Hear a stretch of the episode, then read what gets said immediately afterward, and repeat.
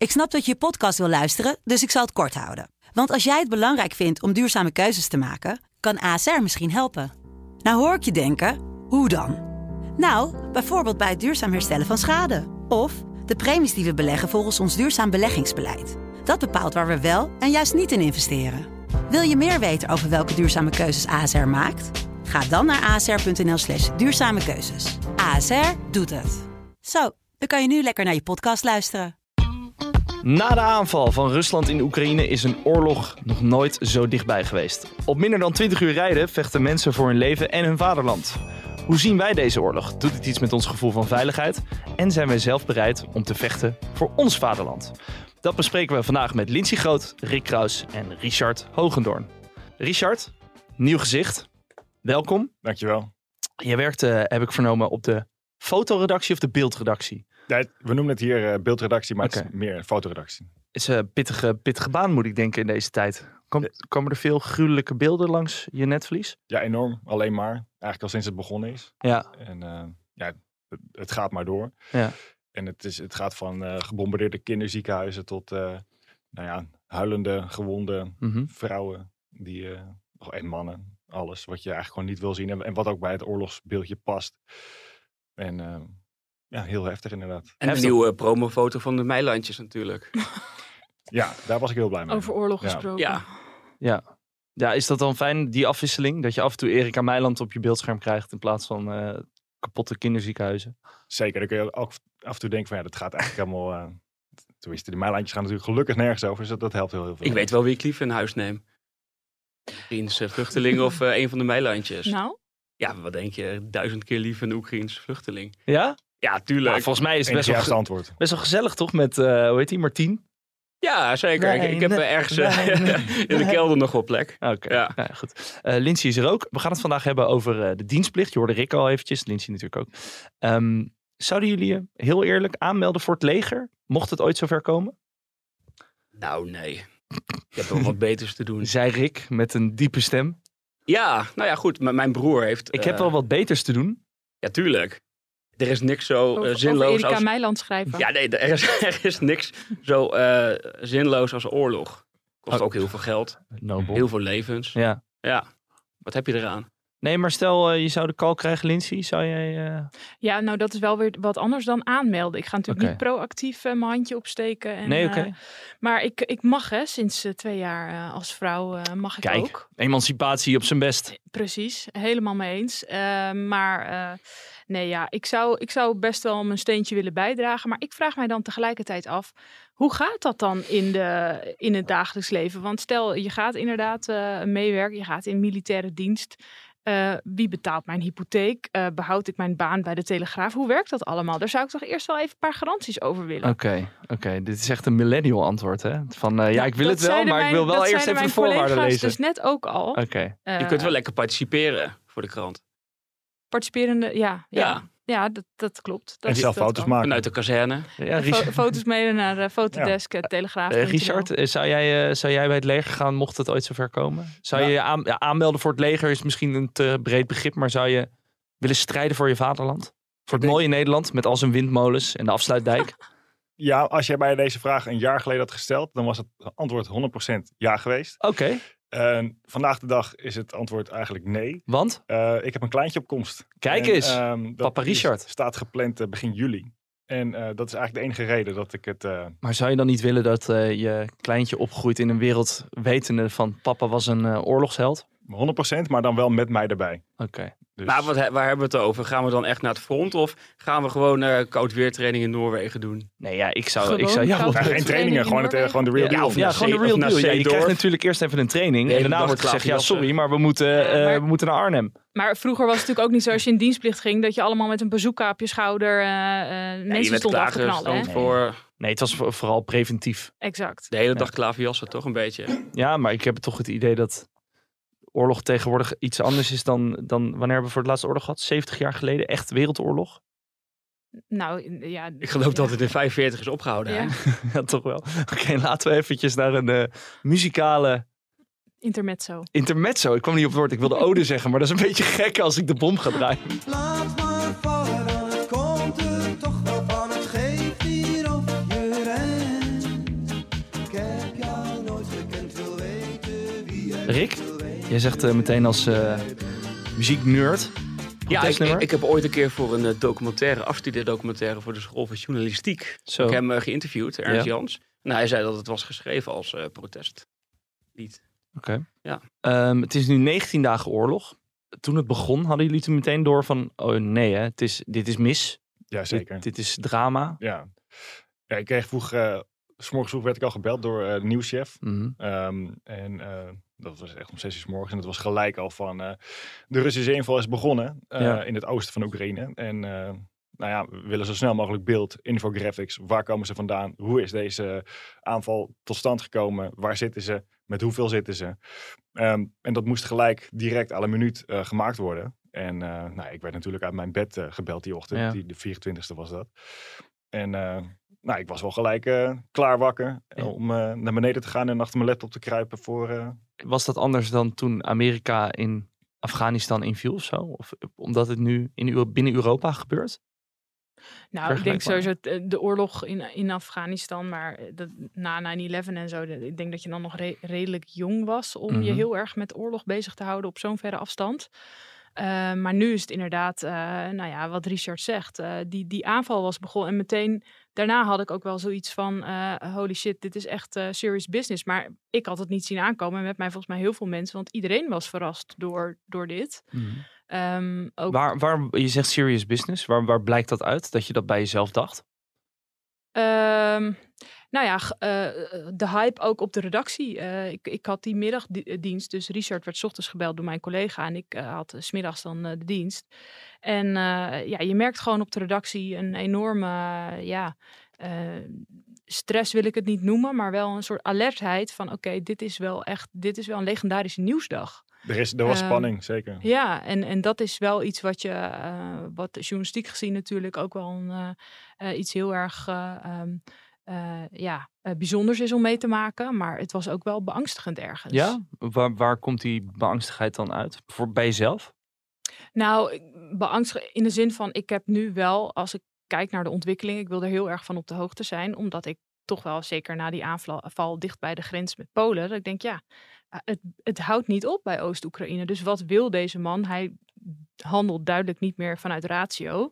Dus eh, waar gaat dit eindigen? En eh, ja, ik merk toch wel een bepaalde ehm, ja, angst, onderliggende angst voor wat komen gaat. Hebben meer mensen dat hier? Nou, het is natuurlijk ook wel een beetje logisch. Kijk, als Amerika een land binnenvalt, dan hebben we iets van, tenminste zo is het eigenlijk ons altijd wel verteld, het Westen valt eh, de boeman zeg maar binnen. Mhm. Maar Rusland wordt natuurlijk echt al meer dan een halve eeuw gezien als de boeman. Ja, en als zij ineens een land in Europa gaan binnenvallen, ja, dan komt het ineens heel dichtbij. Dan wordt het echt gewoon een eh, foute film. Heb jij die angst ook een beetje Nou, Richard? l- gedurende het begon is zeg maar tot en met... los van werk, zeg maar? Maar Ja. voel jij angst voor, voor Eigenlijk hetgeen wel. wat komen gaat? Ja, eigenlijk wel. Want ze waren natuurlijk begonnen in het oosten. En je ziet het steeds meer dat de, de, de, inval en de bombardementen Mhm. die trekken van, van, nou ja, van oost naar steeds meer west. En ze zijn ook begin vorige week eh, begonnen eh, met invallen bij eh, Lviv. En eh, nou, daar zat onze eigen verslaggever Silvan zat daar met onze eigen fotograaf eh, Rias. Die heeft er ook gewoon lang gezeten. Echt wel meer dan een week. En eh, dan denk je, ja, de bombardementen en de invallen, die gaan steeds meer van rechts naar links. Dus Mhm. steeds meer naar Polen. En Ja. in hoeverre is het dan aannemelijk dat ze dan een NAVO-land een keer per ongeluk raken? Ja, want dat is... Ja, eh, of niet per ongeluk. Maar, en precies. maar ook los van de bombardementen gaan we natuurlijk de komende tijd gewoon te maken krijgen met alles wat hoort bij oorlog. Een enorme stroom aan vluchtelingen mhm. ehm, die, eh, eh, die, we, die we onderdak willen geven. En, maar die sowieso wel weer de boel op, op scherp gaan zetten in dit land. Alles Mhm. wordt duurder. Dus ja, mensen gaan indirect gewoon nare gevolgen merken van, van de oorlog. En hopelijk worden die niet direct Nee. hier. Nee, we, wat wel interessant is over die vluchtelingen gaan we het straks nog hebben. Mhm. Maar wat ik wel interessant vind is, eh, we hebben het vandaag een beetje over nou, oorlog en ook de dienstplicht komt hier aan het bod. Want stel je voor dat Polen wordt aangevallen, dan is in één keer heel West-Europa en Amerika op scherp. Mhm. Toch zeg ik dat Ja. goed? Want dan is het van ja, jullie hebben een NATO, NAVO-land aangevallen. Dus nu gaan we echt daadwerkelijk de derde wereldoorlog krijgen. Als ik die zin in mezelf, in mijn hoofd herhaal, dan voel ik, bekruipt me iets van holy fucking shit. Waar, bizar waar, zijn we nou, waar zijn we nou weer in, in beland? Hebben jullie dat ook? Derde wereldoorlog? Rick, jij niet? Vertwijfeld? Mm, ja, je vraagt je toch altijd af of het wel zover gaat komen. Mhm. We kennen natuurlijk die verhalen van onze opa's en oma's. Toch de Tweede Wereldoorlog. Mhm. Dat leek echt eh, drie eeuwen geleden. Voor mijn gevoel zit, zit ik daar nog niet helemaal eh, in. Nee. Maar ja, je zegt het goed. Zodra een NAVO of een, eh, ja, wordt, wordt binnengevallen. Mhm. Valt Of een, geraakt. of er valt een stukje raket eh per ongeluk op het gebied. Ja, dan eh, moeten we eraan geloven. Hey, ehm, stel je voor, je krijgt de call van we moeten naar het front. Dan, jullie zijn allemaal een beetje aan het twijfelen, heb ik het idee, toch? Richard, die weet het nog niet zo goed. Lindsay, zou jij op het front willen vechten voor, voor Nederland? Nou, ik zou niet willen vechten, maar ik zou wel mijn steentje willen bijdragen. Eh, in, Oké, in welke vorm dan? Wetteren of zo. Nee, Ballon, ballonnen in netten naaien. Nee. Ah. nee, ja, dat vond ik een prachtig voorbeeld van hoe in Oekraïne eh, mensen onder een soort van ook bezigheidstherapie dan toch probeerden bij te dragen aan, aan de strijd tegen de Russen. Dat je vrouwen allemaal eh, van die militaire netten zag naaien om die mee te geven aan de mannen eh, op het front. Ja, nee, ik denk dat ik een hele slechte soldaat aan het, aan het front zal zijn. Maar ik denk dat ik eh, ja, zeker wel mijn steentje zou eh, willen bijdragen. Maar dan dus wel, ja, het, het is een enorme millennial opmerking. Maar ja, wat gebeurt er met hoe mijn leven nu was? Wat gebeurt daar allemaal mee? Nou ja, daar, eh, maar kijk nou eens naar die. wat, je ziet heel veel video's circuleren op het, op het internet. Kijk wel eens op het internet. van nou, gewoon mannen die gewoon huis en haard verlaten en zeggen: Fuck it, ik ga gewoon keihard vechten voor Oekraïne. Zit er dan een soort luxe probleem wat wij nu hebben? Ja, maar zij hebben natuurlijk wel echt te maken met directe dreiging. Ja. Ja, maar Wij- stel, wij krijgen wij dat niet. ook. Ja, het is heel moeilijk eh, voor te stellen. Zeg je niet meteen van: Ik geef mij die Kalashnikov, maar ik knal ze allemaal overhoop. nou, ik denk dat er als er echt, echt eh, eh, meteen dreiging is. Dus als we echt Mhm. een, een raketinslag in Rotterdam of in, in Amsterdam zouden hebben. Dan zou ik eerst een ticket eh, naar Zuid-Amerika boeken. Eerlijk waar. Zou Nou, ik- daarover gesproken. Weet je wie naar Zuid-Amerika vluchtte na de oorlog? ja, Nou, Google maar. Nou, ik, ik had dus dit gesprek, Lindsay, met mijn, eh, met mijn ouders eh, vorig weekend. eh, en over Zuid-Amerika gesproken. Mijn moeder komt uit Uruguay. En eh, nou ja, toen hadden wij dus gewoon letterlijk gezegd van mocht echt de inval eh, plaatsvinden, nou, dan boeken wij gewoon een, eh, een directe vlucht voor iedereen eh, vanuit het gezin. Eh, Maar dat is toch best wel heftig dat jij dus dit, dit gesprek hebt gevoerd met je Ja. ouders. Dat dat dus Ja. een serieuze optie was om dus naar eh, hè, het vaderland van je moeder te gaan. eh, mocht hier de pleuris uitbreken. Nou ja, we spreken met z'n allen Spaans. Mijn vriendin is Spaans. Ik bedoel, het- je, je, ja, je, je pas je heel snel aan. Het is in principe gewoon ja, voor ons een hele prima, reële optie. Ja, En het voeren van dat gesprek was inderdaad heel eng. En ja, natuurlijk heel verdrietig dat je daar nu met je als 32-jarige daarmee moet bezig zijn. Ja zeker. ik vind het wel fascinerend. Denk je dat dit ook zo zou zijn geweest, dit soort gesprekken? Van oké, ik boek hem meteen en ik, ik ga er vandoor. En logisch dat jullie het doen hoor. Ik heb er geen oordeel over. Heb ik wel, maar die laat ik even achterwege. Maar je bent presentator, dus je hebt geen mening. Precies. Ja, presentator, presentatoren mogen Ja. geen mening hebben. Dat eh, staat in het grote presentatoren vakboek. Handboek. Geschreven door Pim CD. Daar ga ik, daar ga ik je op pakken, hè, Hein. Is dat, eh, dankjewel. Is dat ook zo bij voorgaande ge- generaties geweest, denk je? Deze, deze escape. Nee, nee, de vorige, eh, wat ik, dus ik heb natuurlijk een beetje ingelezen en wat Mhm. ik heel veel zie als escape is ma- eh, mannen, want vrouwen mochten toen nog niet, die ehm, ja, probeerden afgekeurd te worden. Dus Ja. die verzonnen een list. En ik zag toevallig een video van eh, Jeroen Krabbe, die, eh, die had een sigaret eh, opgelost in een glas water, het opgedronken en daar word je dus echt hondziek van Ja. blijkbaar, wist Ja. ik niet. Die dag daarna had hij de keuring, was lijkbleek, moest helemaal zweten en hij is toen afgekeurd en dat is zijn, hij had het gewoon bewust gedaan om, om er onderuit te komen. Maar ook mannen die zich ex- expres heel erg verward opstelden. zodat ze psychisch niet in orde zouden worden verklaard. Ja, ik ken het verhaal van iemand die, eh, die deed alsof hij analfabeet was.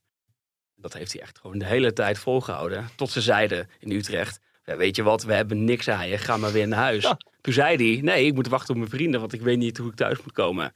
en op de terugweg in de trein ging hij rustig een krantje lezen. Fascinerend.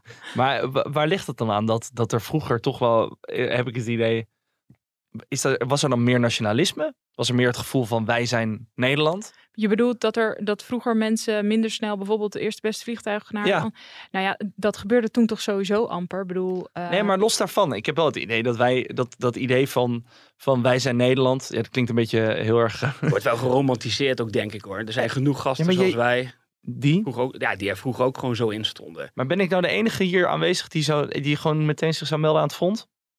Nou, ik denk vooral dat jij heel verder... stoer Maar en waarom dan? Je hebt vooral verder heel weinig te Waarom doen, zou denk jij dat doen? Ja, één, ik heb geen werk meer zodra je de pleuris uitbreekt. Want ja, Nou, echt nieuws gaat altijd door. Ja, maar journalistieke functie binnen dit bedrijf. Nou, oké, ja, podcastje presenteren. Maar nee, ja, ik denk, eh, ik, het lijkt me ook wel nobel. Ja, het klinkt heel, heel oudbollig of zo, maar ik heb wel het gevoel van, ja, ik wil wel de bad guy eh, overrompelen. Oké. Ja, zet mij maar in als kanonnenvoer. Wauw. Nou, nee, hou op man. Nobel, hè? Nou, ik zet it. jou gewoon voor mijn huis neer. En dan kom je lekker terug met... eh, Patrouilleren. Ja, Ja. hey, en dan kom je terug met PTSS. Je komt nooit meer nee, ja, eh, dat, aan dat, het werk. dat begrijp ik. Maar dan, heb ik, ja, dan zou, je, zou ik dan niet het idee hebben van, nou, ik heb wel weer iets bijgedragen. K- Karma punten till the end of zo. Ja, vra- vraag maar aan al die eh, Vietnam-veteranen. Ja, Mensen ja. die uit Afghanistan komen. Of hun, Nee, of hun leven nog zo leuk is nu. Ik denk niet Ja. dat je leven daar achteraf eh, Hou je Nee, van honden? Ja, maar ik bedoel, ja, precies, ja, mooi. Maar het, is toch, het gaat toch niet om dat je een mooi leven dan daarna nog hebt. Het gaat toch om dat je eh, ergens voor gestreden hebt. En tegen iets gestreden hebt. Waar je het niet mee eens bent. Nou, dat kun je op allerlei manieren doen. Ja. Maar Door ik denk, wel dat, vanuit huis. ik denk wel dat wij de generatie zijn waar mensen van zeggen... letterlijk, daar win je de oorlog niet mee. Nee, Ja, dat denk ik ook Ja. wel, ja. Is wel jammer dat dat soort van dat zelfbewustzijn. Maar ja, het is ook eh, tegelijkertijd vind ik ook, ja, het, het klinkt meteen alsof we heel verwend zijn en alleen maar met onszelf bezig. Maar het is een crisissituatie. Mhm. Mensen proberen zichzelf in veiligheid te brengen. Eh, we zijn nou eenmaal gewend om veel te reizen, tenminste veel van onze generatie. Is het dan zo egoïstisch dat mensen gewoon in een, in een bizarre noodsituatie kiezen voor hun eigen veiligheid? Ik vind er eigenlijk niks egoïstisch aan. Nee, maar daarom is het ook juist eigenlijk heel gek als we dat bewustzijn hebben. Dat we dan heel gek vinden dat, dat, dat vluchtelingen eh, ook ons land binnenkomen. Aan de ene kant dan toch? Ja, ja, je bedoelt dat ze hierheen komen over land en... eh, eh, Ja, we willen allemaal veiligheid voor Ja. onszelf. Maar zodra andere mensen dat willen in ons land, dan vinden we dat heel vaak heel Nou, gek. maar we, we zien toch juist ook in Nederland nu dat er een enorme drive is om, om die mensen op te vangen. Ja, mensen zonder kleurtje, die zijn wel welkom. Je denkt dat het, dat het ligt aan de huidskleur, dat mensen nu in één keer. Nou, ik denk allemaal- vooral omdat, omdat we ons meer kunnen relateren aan de mensen uit Oekraïne.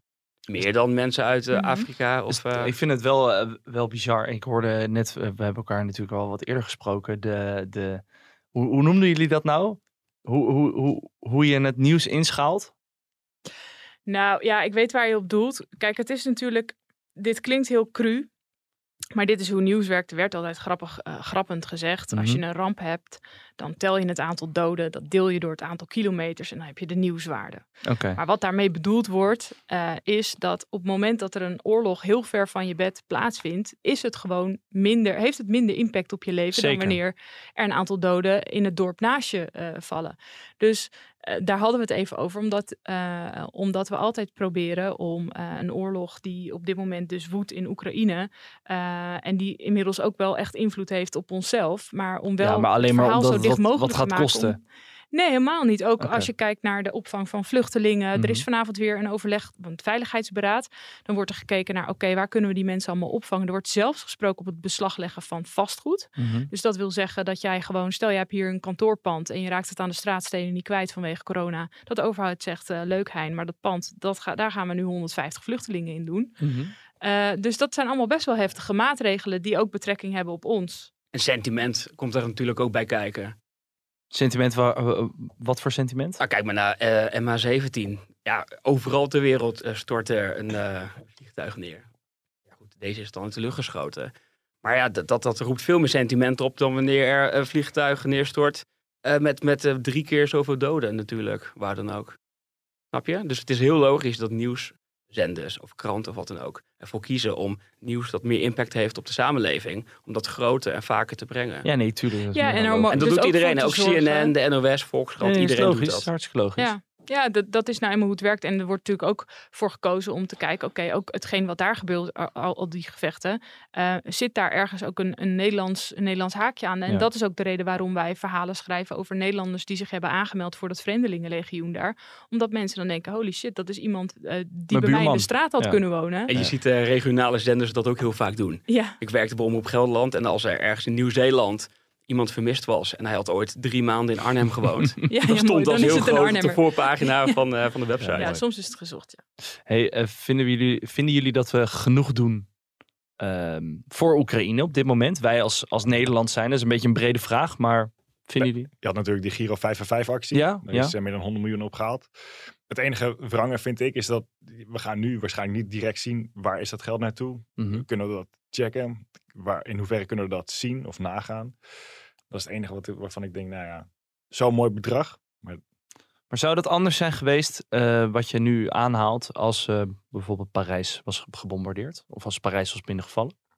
Zou er dan een andere situatie, eh, ja, ondanks de nucleaire gebeuren, omdat het een NATO-land is, maar zouden wij als, als, als Nederland dan anders in de wedstrijd staan, omdat Ja, het tuurlijk. nog dichterbij is? Frankrijk is toch gewoon hetzelfde als Nederland?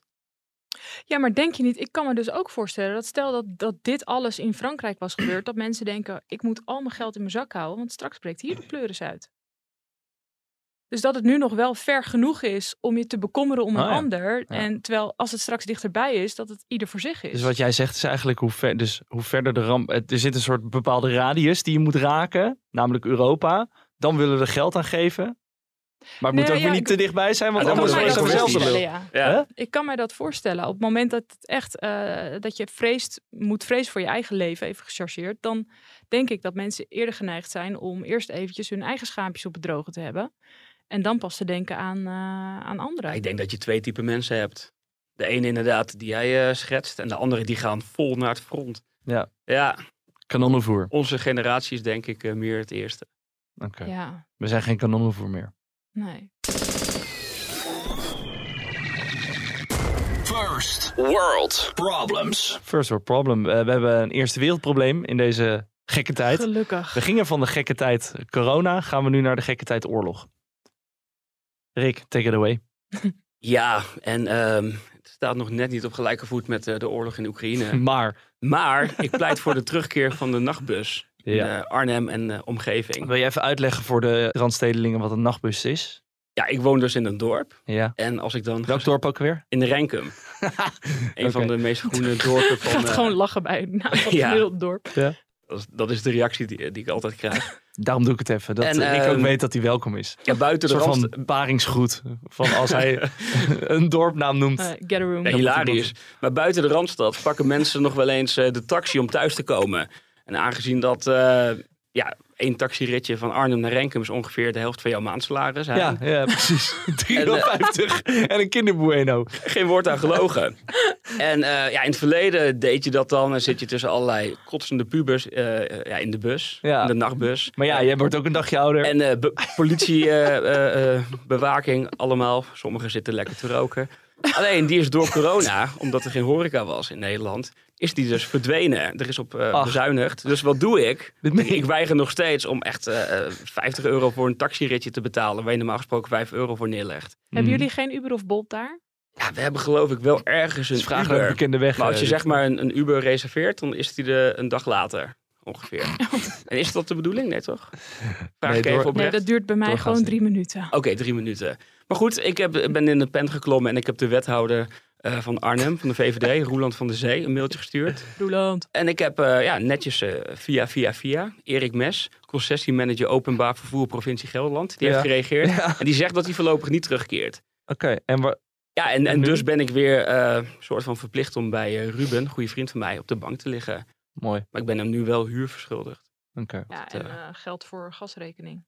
Ja, ook. Ja, zeker. Ja, Dus Maar eigenlijk... heeft hij ook gezegd waarom het niet terugkomt? Want dat mis ik een beetje in zijn ja hij, hij moest eh, vanuit Breng, dat is zeg maar de busmaatschappij, die, eh, ja, het moest eh, eh, bezuinigd worden. Ja, en goed, eh, als je dan s s'nachts rijdt, komt ook het nachttarief komt erbij, politie, eh, bewaking. Ja. Ja, en dat, eh, ja, dat willen ze niet. Dus hij komt niet naar Brenkum. Oh, ja, dit, Ik, ik dit moet zei even al, als we Richard uitnodigen, krijg je dit soort flauwe Ja, mooies. deze man is echt alleen de ene woordgrap naar de ander. Het houdt niet op. Kijk maar eens op Facebook, als, het de, als de Telegraaf iets post, is altijd de eerste reactie van Richard met een woordgrap. Oké. Ik doe mijn best. Nou ja, klasse. Enorm. Doen we allemaal. Ja, en al doet hij het niet, dan het, hij kan het niet tegenhouden. Nee, maar hij moet je ook niet doen. voor Moet de je ook niet doen. podcast. Hij Ja. zegt, ik ga echt niet woordgrappen maken. Ik zeg, hoezo? Nou ja, we Gaat kan- je het toch niet ik. tegenhouden? Doe gewoon een 20 keertje normaal, ja. 20 minuten diep in de podcast en eh voilà. Daar zijn we. Nou ja, Ja. je- de nachtbus. En eigenlijk ben je dus een soort vluchteling op de bank van je vriend. Nou ja, ik, zie me wel een beetje zo. En, eh, Dit moet je dus zien als een bruggetje van de presentator om naar het volgende onderwerp te gaan en niet uit te wijden. en Giro Rick. 5 en 5. Er zijn nu eh, 200, eh 200, 2,7 miljoen mensen op de vlucht. Ik ga een gekke vraag stellen, maar ik ben toch benieuwd wat jullie ervan vinden. Is het terecht dat deze mensen welkom zijn in Nederland? Tuurlijk. Ja? Ja. Ja, ehm, ik bedoel, eh, wat kunnen die mensen anders? In een, een op de andere dag wordt er gewoon eh, gebombardeerd. Die mensen moeten huis en haard verlaten. Mhm. Wat ga je doen? Eh, de vluchten zijn allemaal moeilijk. Eh, nee, ja, ik denk dat het meer dan logisch is dat we deze mensen onder, onderdak eh, proberen te bieden. En dat zal heus wel weer voor spanningen gaan zorgen. Want ja, woningnood. En eh, straks is er weer in een dorp met 5000 inwoners. lopen er weer 10.000 Oekraïners rond. En dat zet de verhoudingen weer op scherp. Maar ja, we kunnen niet meer dan ons best doen om zoveel mogelijk mensen op te vangen, denk ik. Ik zou ook niet kunnen slapen als we ze niet op zouden vangen. Tenminste, al- als je het omdraait. Maar zou je ze zelf opvangen dan? Dat vind ik een moeilijk verhaal. Omdat we nu gewoon het huis aan het omtoveren zijn tot eh eh, Mhm. huis. Maar stel je voor, je hebt een schuurtje. Of is dat of een, een verdieping? Of een, eh, een kamer? Oh, Een tiny house? Het ligt eraan hoe lang ze blijven. En, eh, dus eigenlijk daar heb ik ja, nog niet heel erg diep over nagedacht. Eh, Rick, zou jij je huis beschikbaar stellen voor eh, een eventuele vluchteling of een gezin dan op de vlucht is? Ja, ik denk het wel. Ik heb, eh, ik heb van twee kamers vrij. Ik heb nog een goede zolder. Ik En- hoef niet je funda-woning. Oh, jammer. ja, ja, ik wil eraan toevoegen dat het veel goedkoper wonen is. ja. Ja, hoe- hoeveel huur mag je ze vragen? Nou, Is dit een serieuze Nee, vraag? Een hele aparte vraag. Dit is ja. geen serieuze vraag. Nee, oké, prima. Maar Dan- goed, ja, je weet je, eh, de, de gasprijs, vragen staat vrij. de ja. gasprijzen gaan omhoog. En ook ja, Ja, jij moet natuurlijk En ik ook ga niet je zeggen dat Je krijgt wel compensatie, toch? Ja, ja, zeker. Ja. Ja, je krijgt compensatie als je mensen opvangt. oké. Dus het Maar ik weet niet of het toereikend is eh, voor, eh, voor eh, gasrekeningen en dergelijke. Het is zelfs zo dat er een bonus komt voor Britten die Oekraïnse vluchtelingen eh, opvangen. Zien jullie ook zoiets zitten in Nederland? Het is eigenlijk wel heel sneu hè, dat, dat we zo ver zijn. Dat, dat we een bonus nodig hebben om gewoon humanitair te zijn. Ja. Ja, dat is de pijnlijke samenvatting. Ja. Ja. maar ik denk dat je ook heel veel mensen die twijfelen, die oprecht twijfelen, daarmee over de streep trekt. En die echt niet zo zwart-wit eh zijn. Ja, en sommige mensen willen het natuurlijk ook, maar die hebben ook niet altijd de middelen. Ja, Toch? Ja. Een bonus, een, bo- een, bonus ook klinkt vaak- een beetje... nee, het klinkt fout, maar vaak zijn toch ook wel de mensen die niet per se de meeste middelen hebben, die dus wel het meest geven om hun medemensen en eerder bereid zijn om mensen op te vallen. Maar je Ja. krijgt toch die compensatie. Is dat niet hetzelfde dan? Nee, dat is een soort omkostenvergoeding eh, volgens mij. Maar dat zijn ze nu nog allemaal aan het bespreken. Het is nog niet helemaal vast, heb ik het idee, van Nee. hoe het nou precies zit. Omdat er nog Mhm. relatief weinig eh Oekraïnse vluchtelingen in Nederland zijn. Mhm. Dat die nog allemaal op doortocht zijn. En eh, nou ja, goed.